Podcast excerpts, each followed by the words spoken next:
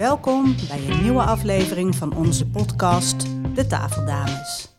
Ik ben Mette en dit is mijn moeder. Marianne, met elkaar en met andere moeders en dochters praten we over onze moeder-dochterrelatie en welke invloed we hebben op elkaars leven. Let's go! We hebben vandaag eh, in onze podcast hebben we Aike Borghuis uit Deventer. Deventer, hè? Ja. En eh, wat ons inspireerde in Aike was dat ze met name zich richt op oudste dochters. Nou heb ik net ontdekt dat ik kennelijk een functionele oudste dochter ben. Maar ik ben er echt een. Maar zij is er echt een, Mette is er echt een. Echt. Dus ja, ik vind het ongelooflijk fascinerend hoe je erbij komt om je op oudste dochters te richten, wat je ontdekt hebt. Dus ja, wat mij betreft, eh, begin. Ja, Te vertellen. Nou, begin te vertellen. Wat, ja, om te beginnen, wat, hoe kom je aan dit onderwerp? Ja, sowieso heel leuk dat ik hier mag zijn, Ja. hier in Amsterdam bij jullie. Ja, hoe kom ik aan het onderwerp? Het is eigenlijk bij toeval ontstaan. Als ik kijk naar mezelf, eh, ben ik in 2012 begonnen met ondernemen. Ehm, en ik ben eigenlijk vanaf het begin eh, aan het werk geweest met systemisch werk. Familieopstellingen, organisatieopstellingen. En in die periode ben ik ook vrouwen gaan coachen, mannen gaan coachen. En ehm, in de loop van de tijd merkte ik dat ik dat ontzettend leuk vond, maar dat ik eh, merkte dat ik de rode draad miste. Dus toen ging ik in gesprek met een, met een marketingcoach en ze zei, wat hebben al die allerleukste klanten van jou nou met elkaar gemeen? En zei ik, ja, dat ze oudste dochter zijn. Serieus? Oh, dat had je toen al wel door. Dat was, Nee, nee, of- in eerste instantie was ik me Nee, niet maar- van bewust. Maar toen ze die vraag me Ja. stelde, toen dacht ik, ja, maar... de- En vervolgens dacht ik in hetzelfde zinnetje, maar die kunnen het allemaal zelf. Dus dat is, dat is niet handig in je, in je bedrijf. Maar jij merkte dus dat dat zo opborrelde bij je, heel onbewust? Of, of... Nou ja, ik werk natuurlijk met, eh, met familiesystemen. Ja. Dus eigenlijk bij alle coachklanten die, die ik spreek, vraag ik naar dat systeem van herkomst. Dus ja, da- daarin weet ik vaak welke plek ehm, ja, mensen innemen in dat gezin. En omdat je ook met opstellingen werkt, wordt dat eigenlijk heel snel duidelijk. En ehm, die oudste dochters voelden zich blijkbaar wel aangesproken door de teksten die ik schreef, door de thema's die we, die we herkenden. Ehm, en achteraf is al veel eerder een zaadje gezaaid voor die oudste dochters. Want ik ben in 2014 al gevraagd eh, door een collega van mij van... Goh, we gaan een oudste dochterdag organiseren. Dat is door twee Amsterdamse vrouwen ook gedaan... door Lisette Schuitenmaker en Wies Endhoven. Die ontdekten ook dat ze veel raakvlak hadden. Ze waren vriendinnen of zijn vriendinnen. En zij besloten een boek te schrijven, schrijven over oudste dochters. En in eerste instantie dachten we gaan onderzoek doen naar die oudste dochters. Maar vervolgens dachten we, hoe leuk is het om al die oudste dochters bij elkaar te brengen en dan het onderzoek te gaan doen. En ik ben die dag een van de workshopleiders geweest. Dus achteraf gezien is daar al een zaadje geplant. Maar daar ben ik me nooit bewust van geweest. Want ik ben daarna gewoon doorgegaan met mijn werk. En, en pas een paar jaar later ontdekte ik... hé, maar dit is echt de rode draad van de, van de klanten met wie ik werk. De vrouwen met wie ik werk. Ja, dus eigenlijk pas achteraf kan je dan ja, de dots connecten, zoals Ja, Steve Jobs dat ja. zo mooi zegt. Ja, Oh, wat grappig dat Ja. het dus bij meerdere ook een onderwerp is kennelijk, die je net noemt ook. ja. Die naam gaan we onthouden, dat begrijp je. Eh, Dat, ja, bijzonder hè?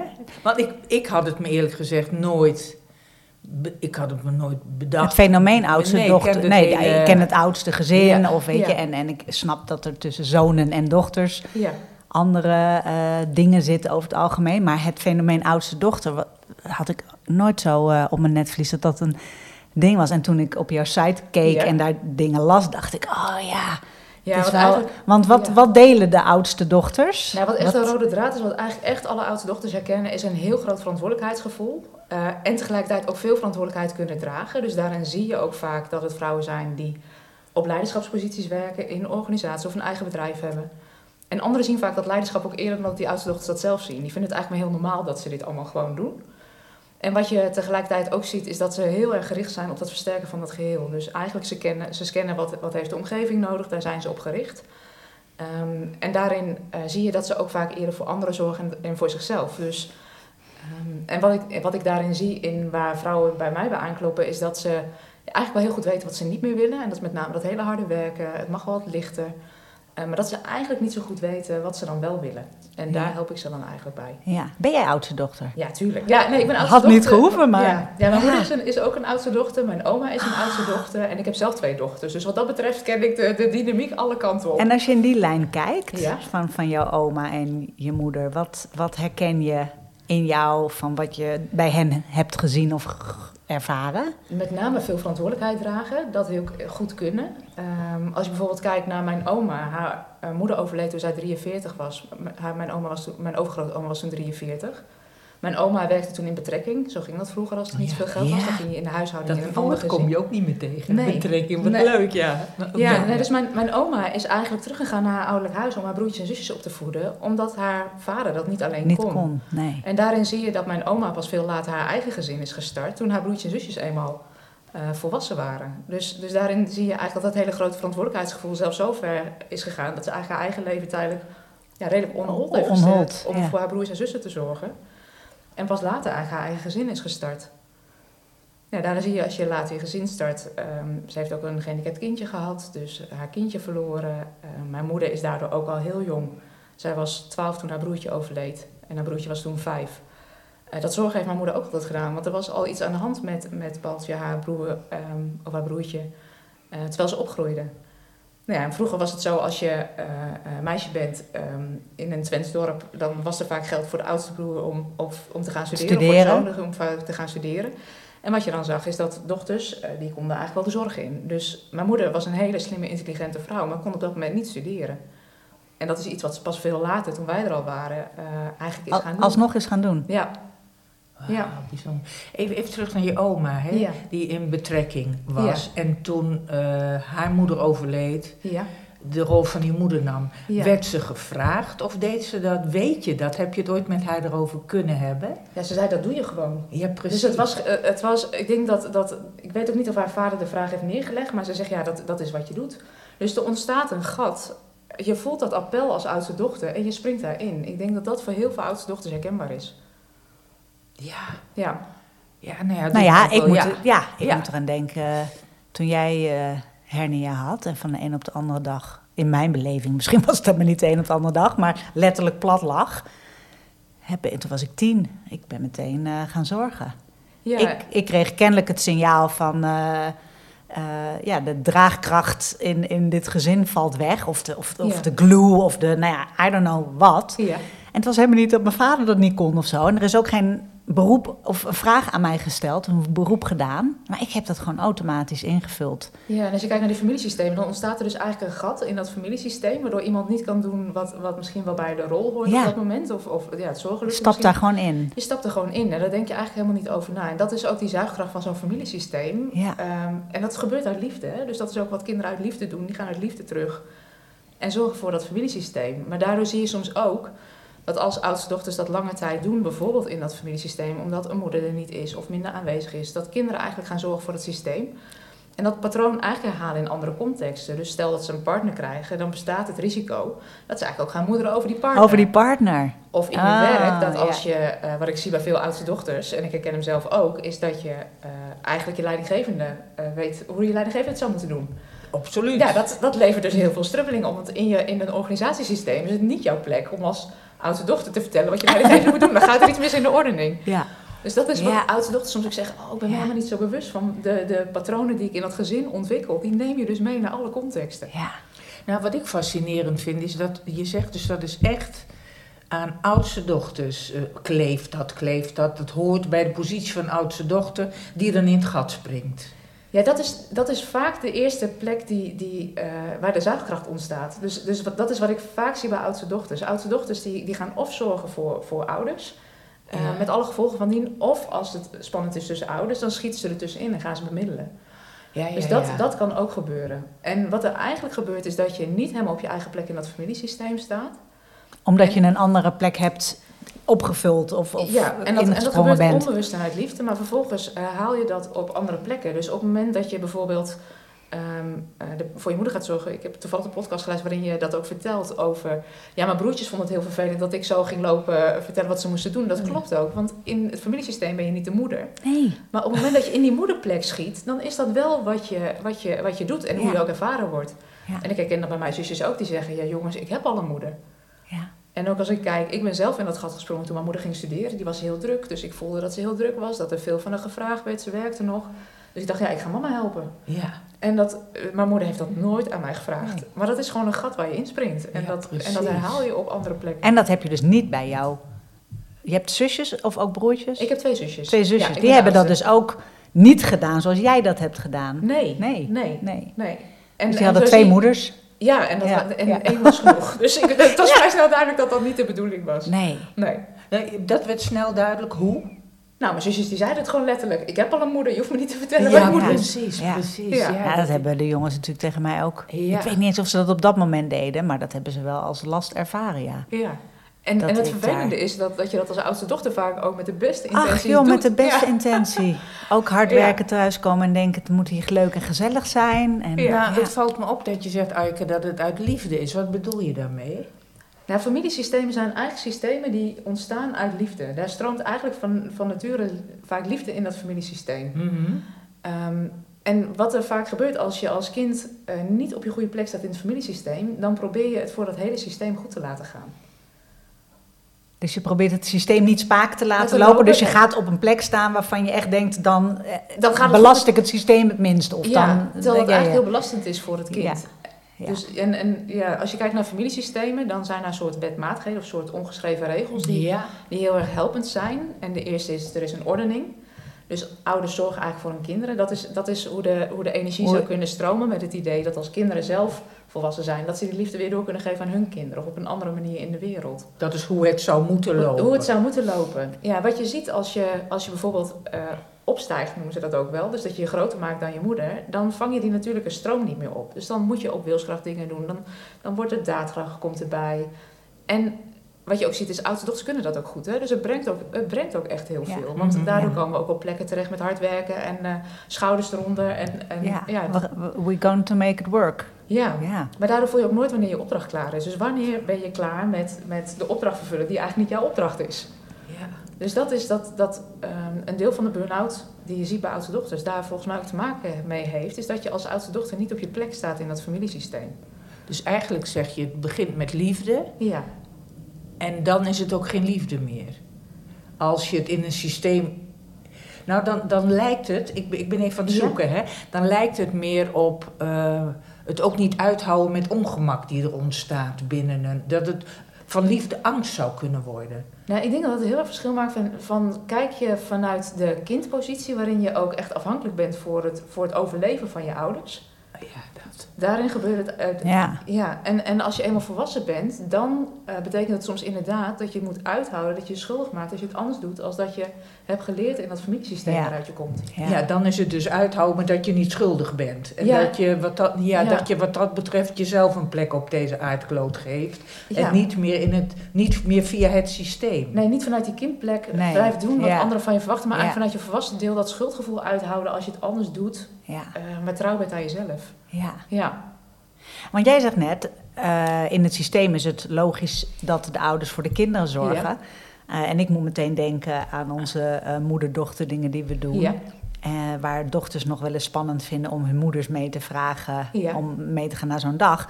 Dat we dus eigenlijk ook achterkomen, of niet eigenlijk, dat wij achterkomen dat dochters juist heel veel voor hun moeders zorgen. Bijna meer nog dan de moeders voor de dochters. Als in, ja, ik denk dat het wel klopt. eh, ja, wat zie jij daarvan? Dat, Ja, ik denk dat dat ook echt een generatie eh, ding is misschien. Ehm, ik merk dat... ehm, ja, wat, wat zie ik aan? Ik denk dat dochters hun moeder niet het gevoel willen geven dat ze het niet goed hebben gedaan. ja, Dat dat daar heel erg, heel erg bij komt. En, ehm, en dat gaat ook absoluut niet als ik kijk naar, naar, naar moeders. Ik denk iedere moeder doet het naar eer en geweten zo goed mogelijk. En soms zou je als kind wel wat anders gehad willen hebben. hebben. Ja. En dat, is ook, dat hoort er ook bij, dat je dat hebt uit te houden. En dat je ook niet probeert om je moeder te veranderen. Of, of dat, het, dat je eigenlijk met zo'n roze bril kijkt hoe je het graag zou willen hebben. Maar dat je erkent hoe het misschien was. Om van daaruit die volgende stappen zelfs te kunnen zetten. Maar jij denkt dat het meer een generatieding is? Zou, zou Nou ja. haar generatie minder... Nou ja, wat ik denk is, de generatie, als ik kijk naar de generatie van mijn moeder. eh, en misschien ook wel jouw generatie. Zeker, zeker. Is, ehm, daar was helemaal niet zoveel aandacht voor. Hoe voel je je? Waar ben je mee bezig? Wat vertelt je lijfje? Dat was gewoon Nee. overleven. Nee, nee, klopt. Dat is Dus- niet aan de orde, nee. Nee, en, en nou, als ik kijk naar mezelf, heb ik wel eens aan mijn moeder het verwijt gehad. Van, ja, weet je, waarom heb je niet gezien hoe het met me ging of hoe ik me voelde? Maar ik denk, ja, mijn moeder heeft dat nooit geleerd. Eh, dus dus dat ik nooit de vraag kreeg van wat vertelt je lichaam je? En dat ik daardoor gewoon nog wat op het hoofd was. Ja, dat kan ik niet aan mijn moeder eh, kwalijk nemen. Maar dat Nee. deed ik, to- toen ik nog niet Ja. zo bewust was, deed ik dat soms wel. Van ja, weet Ja. je, ik, had, ik had graag dit. Ik had graag dat je dit aan me had gevraagd of Ja, me had gezien voor dit dat of je dat. weet, van- Ja. dat je had gezien wat het me kost en allemaal dat soort dingen. Ja, Ja, terwijl mijn moeder nooit heeft gevraagd of ik voor haar wilde Nee, zorgen. nee, dus dat is echt soms een appel wat, ik, wat, ik, wat ik heb gevoeld of een gat in dat familiesysteem waar ik soms ingesprongen ben. Ja. Ja, Ja. ja. ja, dat snap ik. En je leert als dochter ook, ja, hoe, doet, hoe doet mama dat? Als ik bijvoorbeeld kijk naar mijn moeder, dat is een ontzettend harde werker. Weet je, die heeft later is ze gaan studeren, die is in het onderwijs terechtgekomen, in de zorg. Ehm, maar mijn moeder die, eh, ehm, vindt het nog steeds lastig om overdag met een boek te gaan zitten. Ze is met pensioen. Dat herken ik. Ik mag wel met een vakliteratuurboek zitten overdag. niet- maar niet met een roman. overdag, dat is wel een beetje... Ja. En dat, dat heeft mijn moeder nooit tegen me gezegd. Maar dat, dat is wel een soort gevoel wat ik heb. Dat dat ja, eerst de nuttige dingen en dan Ja. Gaan we ontspannen. ja. Eerst wat moed. Ja. Ja, maar als ik kijk naar mijn moeder, die zorgt ook voor iedereen. Dat doet ze nog steeds. Ook, Ja. ook. Dus, dus ja, je kijkt ook af als dochter van hoe doet mama dat? En wat, en wat ben jij voor moeder als je kijkt naar... Want jij, je hebt dingen van je moeder overgenomen. Wat doe jij? Nou ja, wat ik, als ik kijk naar het begin van mijn moederschap, ik ben in 2005 moeder geworden van mijn oudste dochter. Ehm, en, en twee jaar later van mijn, van mijn tweede dochter.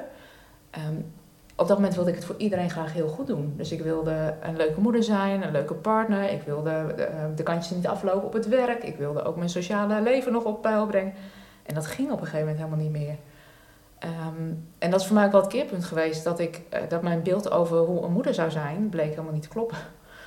Dus dat is voor mij ook wel, eh, dat is gaan schuren toen. Dat ik voelde, ja, ik ben niet de moeder die ik wil zijn. Hoe ga ik dat nou anders doen? En dat is voor mij echt het beginpunt geweest van een persoonlijke ontwikkelingsreis. Van wie ben ik en wat wil ik? En zo ben ik ook in aanraking gekomen met dat systemisch werk, omdat ik echt zo'n wandelend hoofd was. Ik maakte alle keuzes met mijn hoofd. En wat merkte je daarvan? Nou, dat ik op een gegeven moment op mijn werk kwam en alleen nog maar kon huilen. En dat ik dan vervolgens ja. boos werd en, en een oordeel had over dat ik het allemaal niet vol, vol hield en dat ik het onprofessioneel vond. Dus, Daar gaan we. en ook, dit gaan we even fixen. Dus ik dacht, dit, oh, dit moet niet te lang dit moet duren. niet te lang duren. En eh, toen kreeg ik een coach toegewezen voor mijn werk. En die coach die zei tegen me, ja, wat wil jij eigenlijk? Nou, geen Nou. idee toch? Nou, dat dus. Had je je Ja, dat, ooit dus heeft afgevraagd? Geetje koffie niet. Nee. Nee, maar dat klopt dus inderdaad. Dat je, ik herken zo wat je zegt. Dat je op een gegeven moment mensen gaan vragen, maar wat wil jij dan? Ja. Ja. ja, en omdat je het niet weet, en dat zie ik ook bij veel van de oudste dochters met wie ik werk, je weet vaak wel wat je niet meer wil, maar je weet Ja, niet dat- wat je wel ja, wil. Dus, dus het is ook heel lastig om die verandering teweeg te brengen. Want als je dan wat anders gaat doen en er ontstaat ineens een ruimte omdat je zegt, ja, ik eh, stop met vrijwilligerswerk of ik doe bepaalde dingen. Wat ga je dan doen met die tijd? Dus er komt vaak heel veel onrust bij. Ja. En het niet weten en dat uithouden en, en luisteren naar je lijf. En dat je ineens merkt, oh die schouders en die nek, dat zit Ontdekken al- dat je een lijf hebt. Überhaupt. Ja, waar zit je met je ademhaling? Is Ja. dat dan mensen, met mensen, bij ademhaling, ja, Ja. ja. precies. Nou, en waar wij het ook wel eens over hebben, behoefte. Eh, überhaupt het ervaren van een behoefte is al iets. Ja. Wat- dus de wat wil je of... Ja. eh, maar dan, als je die al weet, Ja. weet je, als, eh, ik was ook zo'n wandelend hoofd. Ja. Ben ik iets minder, maar nog steeds, nog steeds ook wel. Maar als je hem dan al weet, Ja. dan nog iets daar, daarvoor gaan staan of je behoefte uitspreken met alle gevolgen van dien. Dat is natuurlijk Ja. ook nog weer een... Ja, want het heeft vaak ook eh, consequenties voor de context. Hè? Dus het is niet alleen, je kan het voor jezelf bedenken, maar dat betekent ook vervolgens als ik kijk naar mijn partner, me schuldig maken door te zeggen, weet je, dit, eh, jij bent nu bij de kinderen en ik ga alleen naar Australië omdat ik voel dat ik daar moet zijn. Ja, Ehm, ja, dat, dat, zijn dat schuldgevoel moest ik uithouden. Dat ik terugging naar Australië omdat ik voelde, ik heb daar iets te doen nu. En mijn man die heeft me altijd alle ruimte gegeven. Die zei, ga maar. Maar wat er dan gebeurde, ik ben toen in 2010 voor het eerst alleen terug geweest naar Australië. Hoezo, terug? terug? Ja? Ja, ik heb daar gewoond in 97. Oh. Ik heb daar een jaar bij een, bij een Australisch gastgezin gewoond. Dus ik heb in mijn 17e daar een jaar gewoond. En er was een verlovingsfeest. En ik wilde gewoon heel graag terug om dat gastgezin te zien. En goed, ik ben anderhalve week geweest. Dus ik heb een halve week in dat vliegtuig Mijn gezeten. Ik ben daar een week geweest. Man! En achteraf denk ik, ik had er gewoon een paar weken aan vast moeten plakken. Maar dat kon, dat kon in Dat mijn hoofd was- niet. Nee, want ik kon naar het verlovingsfeest en, en iets eromheen, dat kon. Maar, niet, maar dat niet- was toch wel de max? dat was de max. En inmiddels is dat anders. Maar dat nee, was maar wel- goed, maar- want je man dat legde niet een, een, een barrière op. Nee, helemaal niet. Nee, Nee. Mijn man, die, weet je, hij zegt hoe beter het met jou gaat, hoe leuker jij thuis bent. Ja, maar goed, dus Ja. is dus niet weer opgekomen te zeggen, ik ga drie weken in totaal. Nee, nee. Nee, want. Ik, nee, dat kon ik op mijn werk ook niet. En dat was allemaal... Ja, En ik kon ja. mijn kinderen niet zo lang alleen laten. Ja, en, ja. ja. Maar het is ook wel bijzonder wat er dan gebeurt. Hè? Want ik ging anderhalve week weg. En mijn man kreeg allerlei etentjes aangeboden. Er kwamen mensen met maaltijden aan de deur. We zeiden inderdaad in dat kader, als jij een keer je kinderen vergeet van het schoolplein te halen. Ja. Of jouw vent zou dat een keer incidenteel doen en die zou de kinderen vergeten. Dan lachen we erom en dan vinden we dat wel grappig als een vader dat vergeet. Maar als Maar- moeder kan dat echt niet. Nee, en, en daarin zit dan ook al, als je alleen al kijkt van op scholen, als, als ouders gebeld worden. eh, De staat- moeder, Ja, ja. staat heel duidelijk in de systemen. Ja, ik zit veel, ben veel aan het werk met klanten. Je moet de vader bellen. Ja. En dan gebeurt dat ook wel. Maar de eerste neiging is toch naar moeder te kijken. Ja. Ja. Ja. En we doen dat. En en, nou ja, als ik kijk naar mezelf, toen ik net moeder was, dacht ik ook dat ik alles beter kon dan mijn partner. Want ik wist wel wat mijn kind nodig had. Alleen toen je net moeder was, of heb je dat nog steeds wel een beetje? Nou, wat ik, ja, dat is wel grappig. We hebben, we hebben dan twee meiden en eh, ze komen nu in de tienerleeftijd. En Peter is een ontzettend leuke tienervader. Dus die, eh, is, hij zegt ook, ja, onze enige taak nu is te zorgen dat het zelfstandige volwassenen worden. Dus die geeft heel veel ruimte, eh, die geeft vertrouwen. Ehm, en daar kan ik echt af en toe wat van leren. En het is ook wel grappig dat hij dan af en toe tegen me zegt: Ja, als je dit nu zegt, hoor ik dan jou of hoor ik nu je moeder? Omdat hij zegt: Hoe zou jij dat vroeger vinden als je, als je, als je moeder zo zou reageren? Hoe deed je moeder dat vroeger bij jou? Ik dacht, oh ja, ja, ruimte geven, ruimte geven. Dus Peter die helpt me daar ontzettend bij. Ja. ja. Nou ja, die zal meegenomen worden in jouw passie voor wat het betekent om oudste dochter te zijn. En die zal herkennen ja. dat het weer gebeurt. Neem Ja. ik aan. Ja, dat doet hij. Hij zei van de week nog weer: Je staat weer lekker in de overdrive, hè? Ja. Hij zegt: Hoe, eh, wat, wat heb je nu nodig voor die rem? Ja, dus hij kan me daarin ook echt spiegelen. Nee, dus hij laat je ook goed voelen dat er een behoefte gezien wil worden. Ja, zeker. Ja. Ja. Dat is natuurlijk wel mooi, dat hebben we vaak zelf. Nou, wij komen steeds meer tot de ontdekking dat wij vrouwen zo slecht geleerd hebben om te voelen Ja. welke behoeften we hebben. Dat, Klopt. dat, dat komt niet eens in, op een heleboel terreinen, dat we daar nog een heleboel te doen hebben. Ja, en dat ook echt ontdekken is. En, Ja. en met name ook, dat, dat vond ik zelf nog steeds lastig. En dat zie ik ook bij veel van de vrouwen met wie ik werk, of de oudste dochters. Is die onrust die er eerst bij komt en het niet weten. Want de oudste dochters weten het altijd. Ja, Dus dus, dat- niet weten is echt heel, heel oncomfortabel. Oncomfortabel, ja. Ja, en, ja. en daar willen we vaak van weg. Dus daarin schieten we weer terug in wat we goed kennen. Terwijl het vraagt dat ongemak uithouden en Ja. Ehm, dat niet weten, eh, dat dat er echt bij hoort voordat je gaat ontdekken wat het dan wel is. Ja.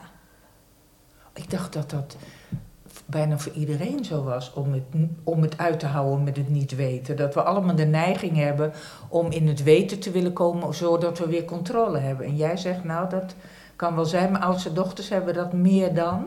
Nou ja, ik denk oudste dochters zijn gewend om de controle te hebben. Ja, Dus ja, ik denk- Ja. dat het om, omgekeerd is. Ja. Ja, dus, dus die controle is zo vanzelfsprekend dat we daardoor dat niet weten nog lastiger vinden. Ja. Ja, precies. En als ik kijk naar mezelf, dat, dat is een van de redenen waarom ik zo graag systemisch werk. Omdat het heel erg gaat over voelen, dat gaat over waarnemen, dat gaat over ervaren.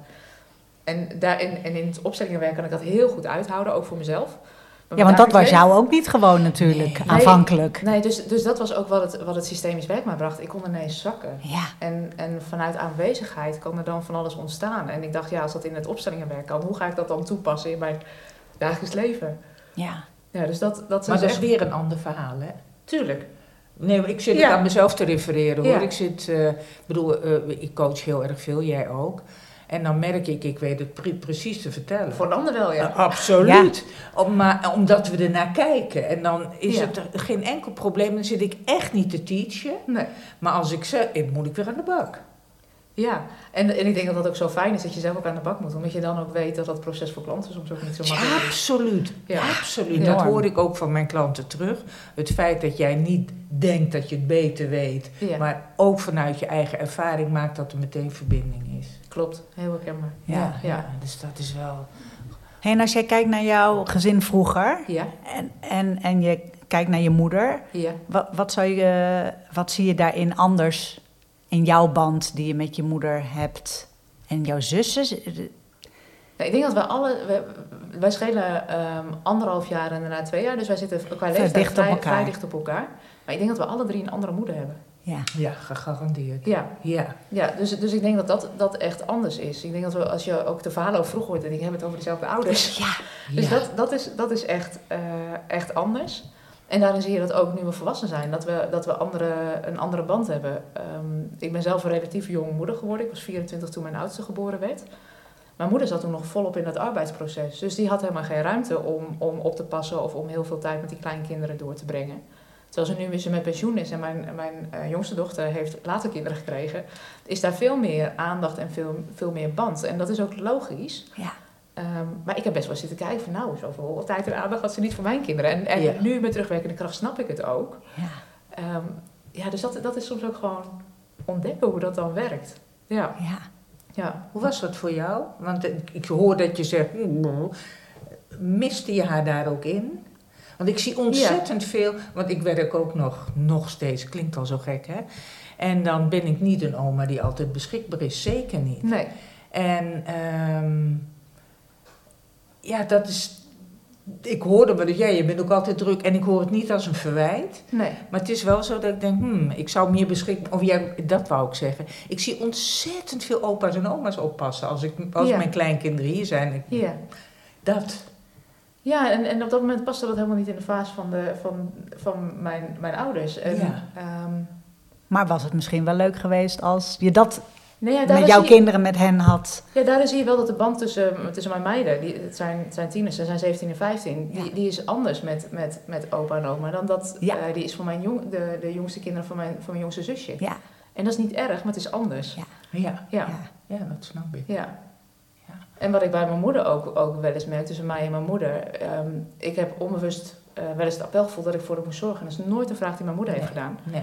Maar ik kon nog steeds eens de neiging hebben toen ik me nog niet zo. dat ik mijn moeder ging vertellen wat ze moest doen. Ja, dat levert altijd schuring op. Wat logisch is, want het is niet mijn plek om mijn moeder te vertellen wat ze moet doen. dus, dus, daar, dus, dus doordat ik af en toe die verkeerde plek innam, eh heeft het tussen ons ook wel eens geschuurd of ook wel eens gebotst. En we lijken qua karakter op elkaar. Ja, en dat kon- maakt het ook ingewikkeld soms. En kon, je, ja, ja, ja. en kon je moeder zien dat het liefde was? Nu wel. Ja. Ja, En, en ik kan nu ook zien van mijn, van mijn moeder dat het liefde Ja, was. ja, ja, in, die, in die tienertijd was dat af en toe, dat ik, ja, dat was gewoon lastig. En ik denk nog steeds, weet je, als, als eh, ik ben volwassen, ik ben 42, dat ik af en toe nog steeds graag de goedkeuring van mijn moeder zou willen voor hoe ik de dingen doe. Oh, ja, ja. En ik denk, ja, dan ben ik Ja. 42, ben volwassen, weet je. Ik maar weet dat ik- gaat dat ooit over? Ja, dat weet ik niet.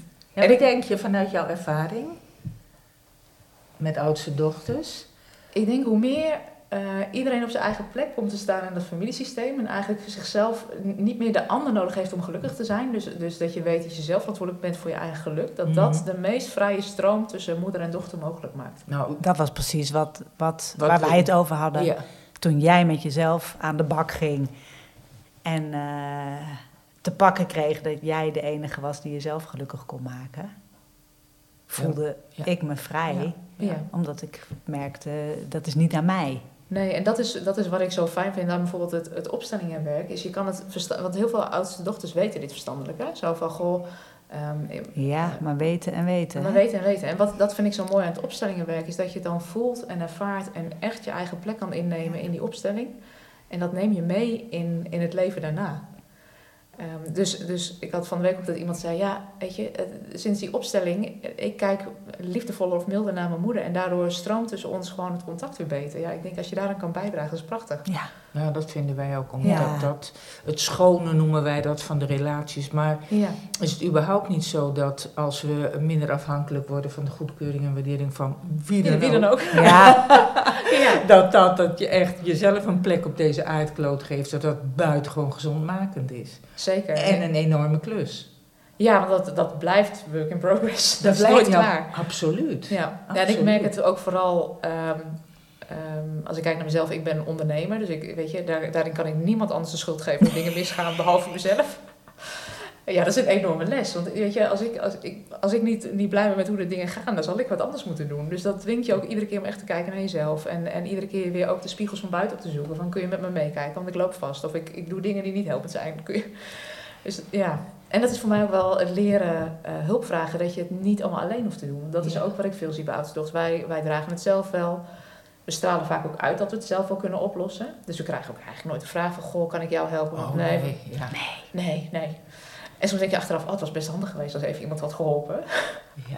Maar de eerste neiging is... Nee, dat doen we zelf. En dat stralen we ook uit. Dus we stralen ook uit dat we het allemaal onder controle hebben. ja. Dus we krijgen ook niet zo vaak Nee, dus je krijgt de vraag al, eh, Nee. al, al überhaupt niet, omdat er niks aan je te zien is. Nee, maar ook omdat je die uitstraling dat bedoel hebt. ik. Ik weet nog wel dat ik hartstikke onzeker op een gegeven moment ergens liep. En dat iemand zei, jij kijkt altijd zo met je neus omhoog. Terwijl ik denk, ik zit hier in mijn broek te doen. En jij denkt dat ik... Met mijn Ja, neus. Wel, dus ja. dat is natuurlijk de, de houding die ook, die waar je helemaal niet bewust van bent. En die een ander interpreteert Absoluut, als... ook dat. Ja. Ja, zeker. Ja. Ja. zeker. Dus Ja, en dat- soms is het ook een masker, hè? Zo van, Oh, als, ik, als ik dat masker maar opzet, dan, dan eh, lijkt ik alles onder controle te hebben. Of dan weet ik het Make allemaal it till you fake, fake it till you make it. Ja, ja, ja, ja, ja. En heel vaak gaat het onbewust. En, en je zei net, ik ben ambitieuzer dan Peter. Hè? Wat is Ja. dan je ambitie? Nou ja, wat ik, wat ik bijvoorbeeld... eh, ehm, mijn ambitie zit heel erg dat ik zie dat... Waar ik heel erg in geloof is dat als vrouwen meer hun leiderschap nemen... dat dat eh, gewoon goed is voor de mensheid. en Voor de gelijkwaardigheid en voor dat versterken van het geheel. En daar geloof ik heel erg in. Dus ik geloof dat vrouwen daarin op mogen staan... en hun eigen plek mogen innemen. Omdat ik denk dat dat belangrijk is. Naast mannen, maar wel in combinatie met... Omdat ja, als je het hebt over vrouwenrechten, dan heb je het over mensenrechten. Ja, ja. Dus ik geloof daar heel erg in. Dat ik denk, ja, en als we dat meer gaan doen, eh, dan levert dat gewoon heel veel op. Ja. En in mijn werk voel ik die ambitie om dat met die vrouwelijke leiders te doen. Omdat ik zie dat die, die, die oudste dochters gewend zijn om het heel erg alleen te doen. En dat is vaak ook die eindpositie in die organisatie, dat is ook alleen. Dat is ook alleen. En, en vaak ook eenzaam. Of, ja, ja. want je hoort nergens echt bij. Dus, Nee. dus, nou ja, en al die vrouwen zeiden dat los van elkaar toen ik met ze in gesprek ging. Toen dacht ik, ja, hoe fijn zou het zijn om ze bij elkaar te brengen. En ze zeiden allemaal los van elkaar, ja, ik neem mezelf wel voor om die reflectietijd te nemen of om stil te staan bij wat ik wil. En uiteindelijk gaat de agenda van een ander altijd voor. Dus ik heb gewoon nu dat ik een jaar met ze optrek, waarin we elkaar maandelijks zien. Ja, en wat er in die groepen gebeurt is magisch. Dus het is niet alleen, weet je, weten dat je niet alleen bent, maar ook weten dat er vrouwen zijn die met dezelfde thema's bezig zijn. Ik zie dat ze elkaar ook helpen. Dus nou ja, laatst kwam een van die vrouwen naar me toe. Kun je ons helpen met een bepaald traject? Ik zei, dat kan ik. Maar we hebben een specialist in de groep zitten. Hoe zou het zijn als jullie dat... Top. Ja, dus, dus daar is een samenwerking ontstaan. En op het moment dat het systemisch ingewikkeld wordt op organisatievlak... Ja, dan vragen ze mij. En dan doe ik wat ik heel goed kan. En, en zo zie je dat we met elkaar die community vormen. En dat dat dus ja, gewoon gaaf is als, je dat, als dat met elkaar lukt.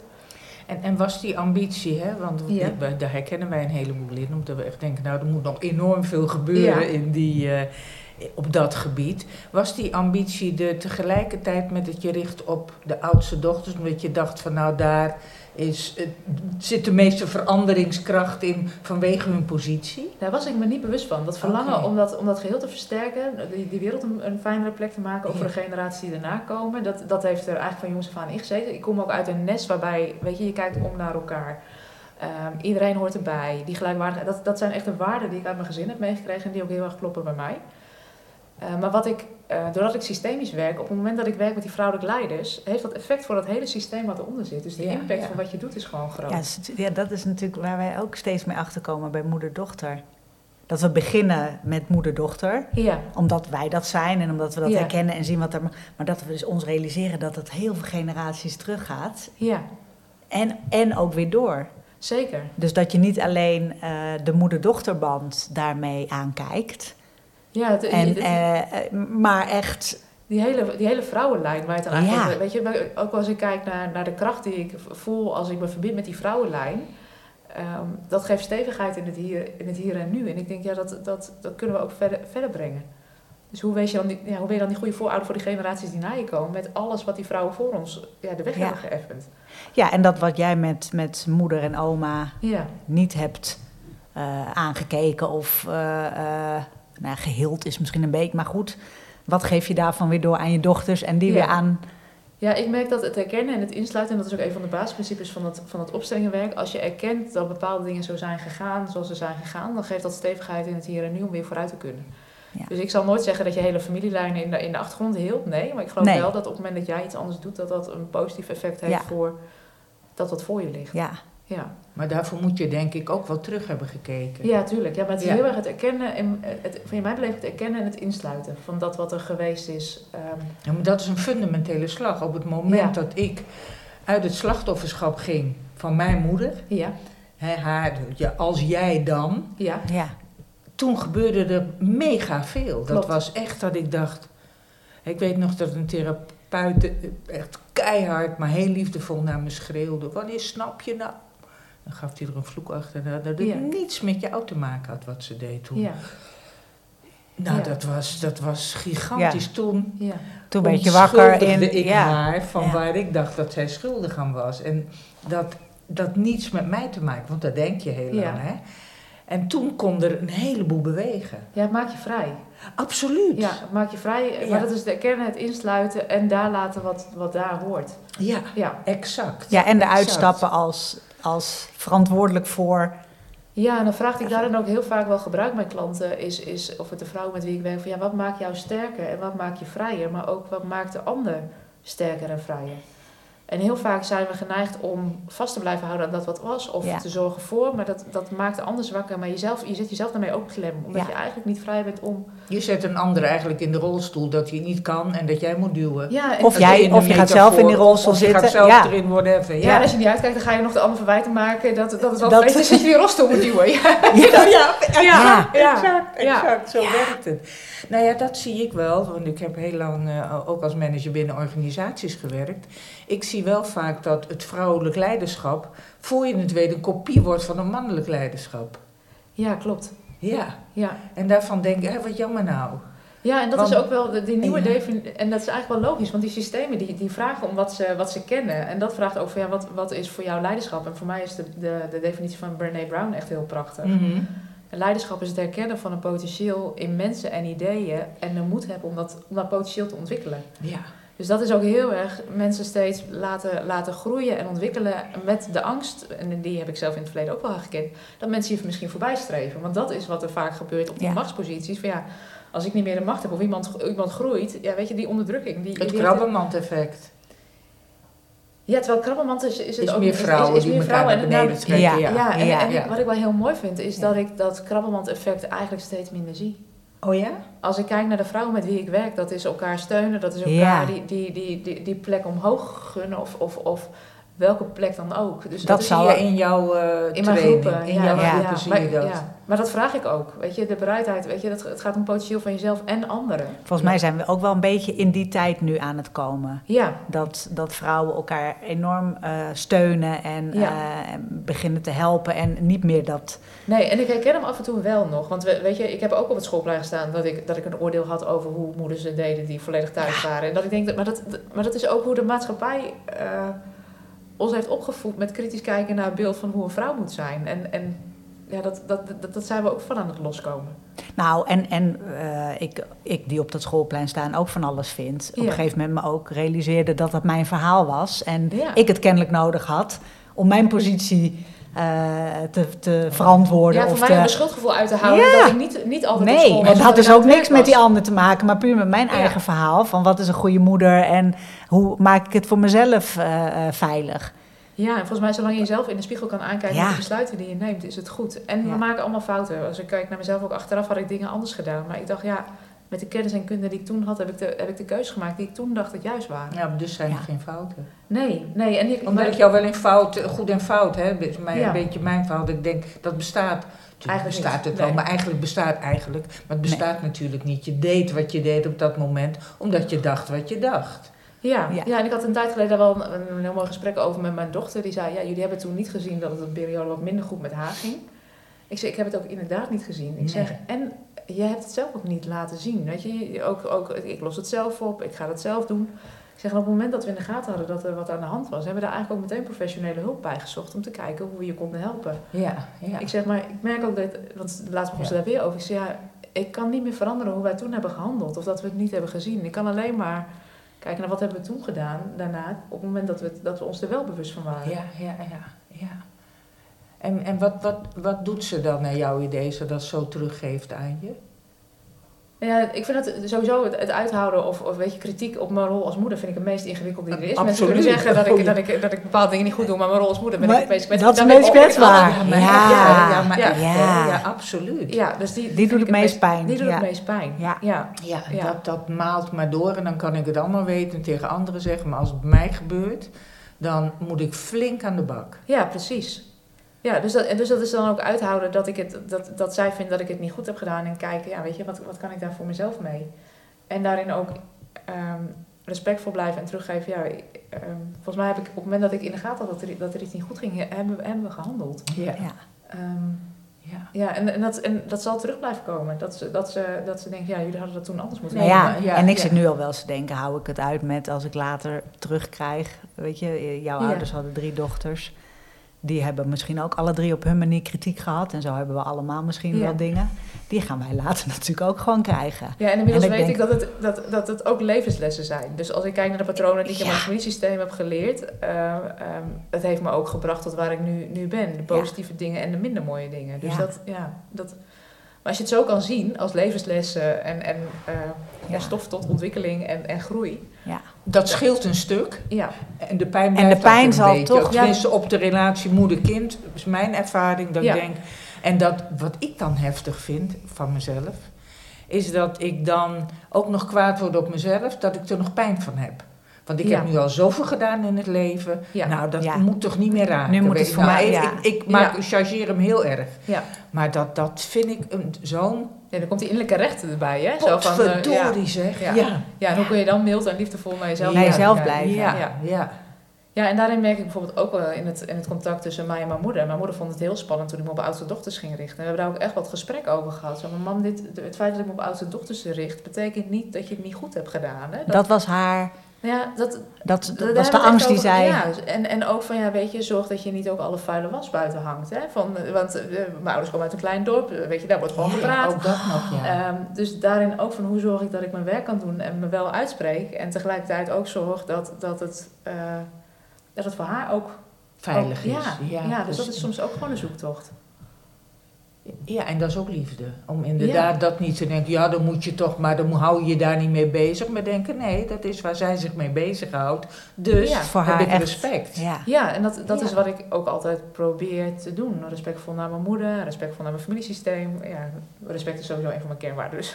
Ja, natuurlijk. Ja, Ja, natuurlijk. ja. Dat is ook. Ja. En je vader? Hoe was die als vader met een vrouwengezin? Ja, mijn vader die heeft 43 jaar als psychiatrisch verpleegkundige gewerkt. Dus die, eh, die heeft altijd veel met mensen gewerkt. En die had als hij thuis was ook wel eens even, even geen mensen even lekker aanrommelen. Dus mijn vader is heel sportief.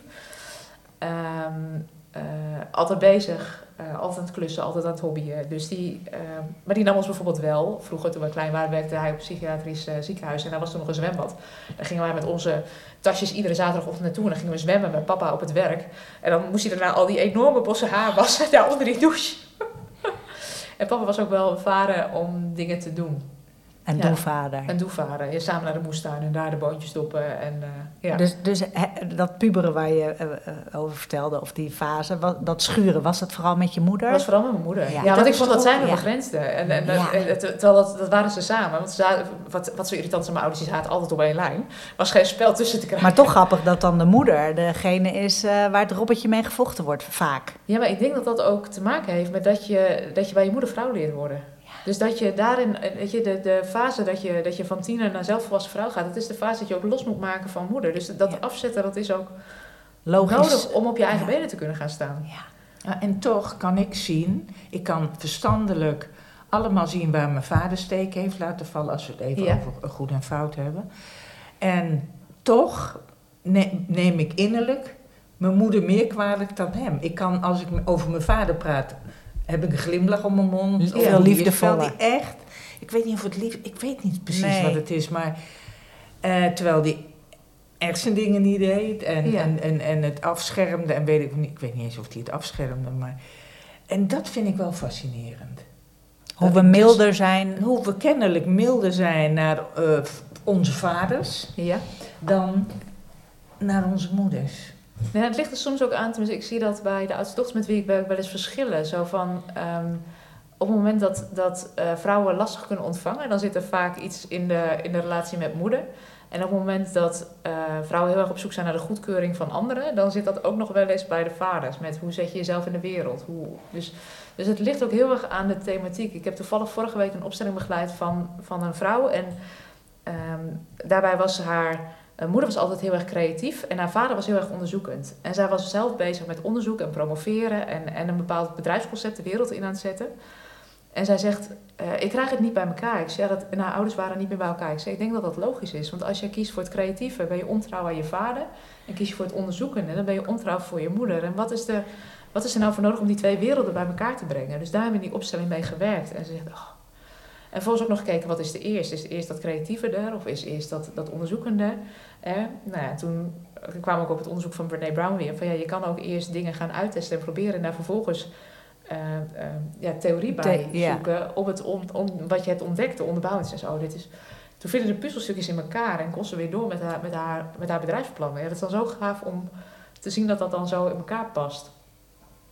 En is dat typisch iets voor vrouwen? Of zeg je dat hebben mannen ook? Of zeg je nou, ik hou me meer met vrouwen bezig? Ik denk dat we het allemaal kennen. Dat, dat, Ja. dat, we, dat het daarin mannen en vrouwen eh, eh, het allebei allemaal kennen. Ik denk dat jongste dochters het ook kennen. Ehm, maar het is, ja, ik, ik, ik merk gewoon met die oudste Ja, nee, dat snap ik, ja, dat snap ik. Ja. Maar ik ben gewoon benieuwd zo van, goh, zou dat... Wat zou nou typisch vrouwelijk zijn en wat is typisch mannelijk in hoe ze naar hun ouders kijken? Dus dat... eh, Ja. Ja. ik denk dat het ook heel erg uitmaakt wat voor familiesysteem kom je in. En, en ja, sta je op de goede plek of niet? Ja. Ja. Wat bedoel je met een goede plek? Ehm, nou, als je kijkt naar een familiesysteem, we hadden het heel even over die orde. Ja. Dan heb je vader, moeder en daaronder die rij met kinderen. Ja. Eh, wat er ook wel eens gebeurt is dat je merkt dat je jezelf onbewust blijft saboteren. Dat je eigenlijk alles in huis hebt om het jezelf goed te laten gaan en dat het niet lukt. Dat zie je bij mannen en bij vrouwen. En heel vaak zie je dan dat je onbewust trouw bent aan iets wat eerder in het familiesysteem is gebeurd wat er niet mocht zijn. Ah ja. Dus zo zie je dat daar soms ook nog, en dat noemen ze in vaktaal een verstrikking, maar dat je daarmee onbewust verbonden bent waardoor je het jezelf niet goed laat gaan. Dus dat is die binding. Iedereen hoort erbij. En Ja, en, en net zei je van nou, we kunnen het verleden niet helen, maar dat doe je dan wel indirect door die, dat bloot te leggen. ja, je legt het bloot. Ja. Ja, ik had van de week dat ik een opstelling begeleide van een, een oudste dochter die zei: Ja, het gaat niet goed met mijn jongste zoon. En haar, haar zoon is volwassen en ze zegt: ik, ik snap er niks van, want hij leek alles op de rit te hebben en ineens saboteert hij zichzelf.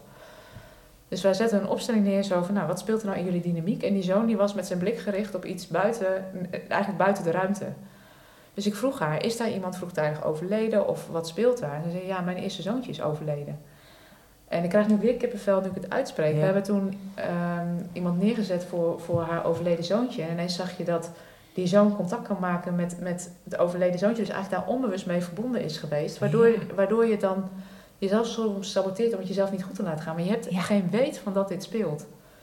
Ja, en eigenlijk in die opstelling, toen dat erkend was en gezien was... en dat zichtbaar werd dat, dat die onbewuste trouw of jezelf niet goed laten gaan... daarmee verbonden was, kon hij zich weer terugdraaien. Ja, wauw. En eigenlijk was dat pijn en verdriet waar moeder niet, niet naar Niet- keek. niet, Niet- nee. Op dat moment niet naar kon kijken. En dan zie je dat een kind kijkt. Dus ja, dat, als je dat blo- bloot kan leggen, ja, dan, dan ontstaat daar weer, weer een hele beweging in dat familiesysteem. Ja. Dus zo zie je dat als, als ik met die oudste dochters werk, dat dat niet alleen effect heeft voor hunzelf, maar ook vaak voor het gezin. Waar Nou ja, dan- wat wij al Ja. zeiden, van op Ja. het moment dat we met moeder-dochter bezig zijn, en of dat nou de oudste Ja. dochter of.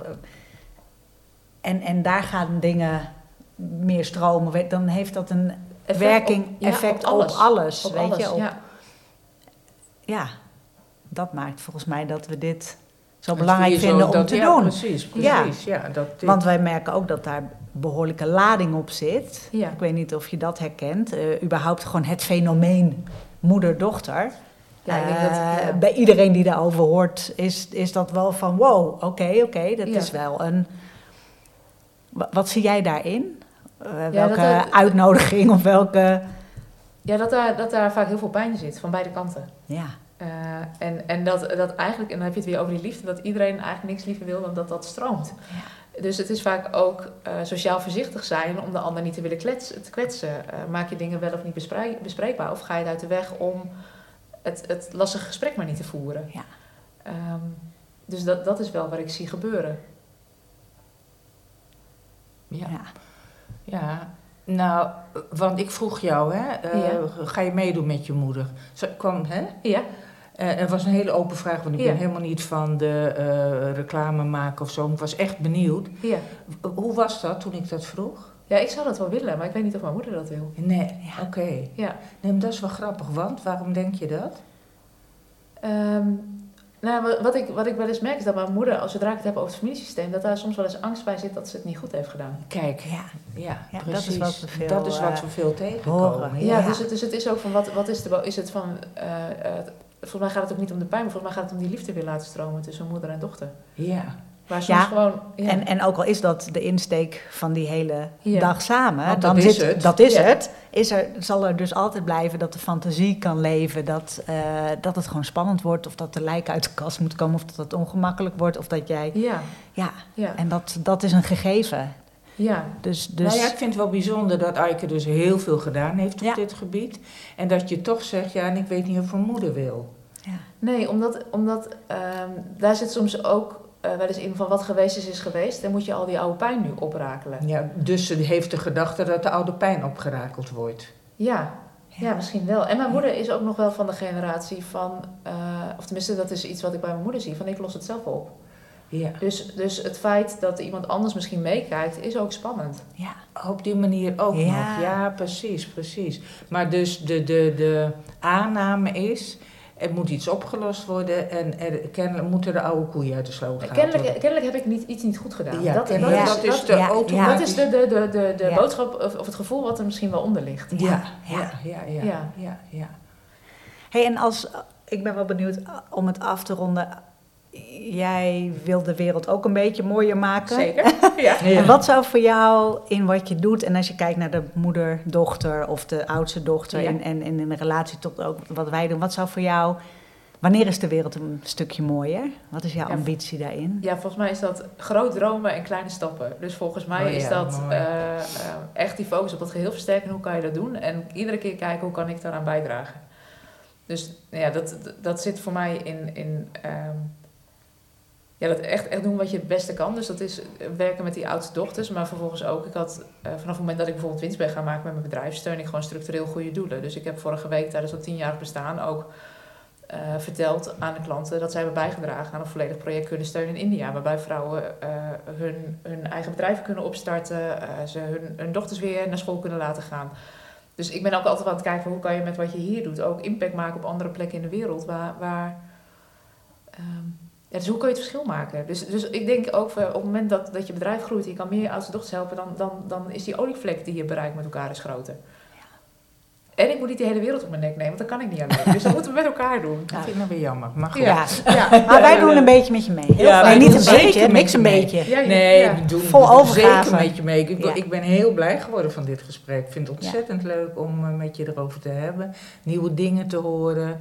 Meer, Ja. oké, ik heb ooit wel meegedaan aan een, eh, aan een opstelling, maar dat is best wel lang geleden. En denk, Ja. oh ja, oh ja. Ja. Het is ook heel leuk om weer te horen. Wat is Ja. het nieuwste wat je hebt gehoord? Wat is je, of heb je Nou ja, goed, het, het, het, het, Het hele, ja, nee, het hele fenomeen oudste dochter en wat dat... I- Nou ja, en dat automatisch, ik vind het zo Ja. herkenbaar, dat de, de dochter dus automatisch in het gat springt. Nou, dat zie ik dus helemaal voor me en wat voor effect dat heeft op het systeem. Ja.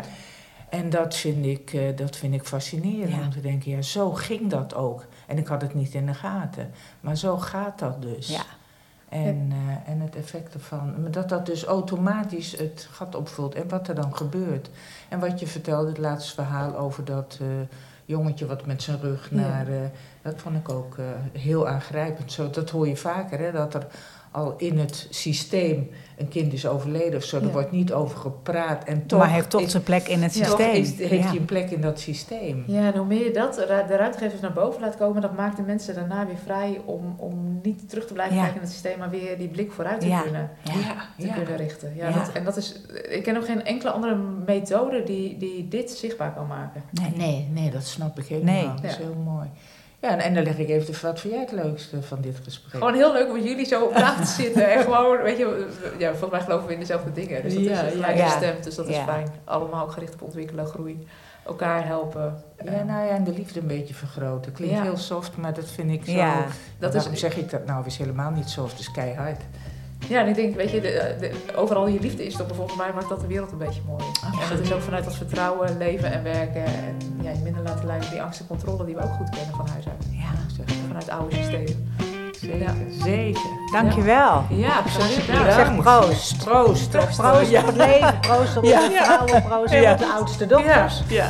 Ben je benieuwd naar wat we allemaal nog meer doen? Volg ons op Instagram, het Moeder en Dochter Samen. Of check onze website www.moederendochter.com.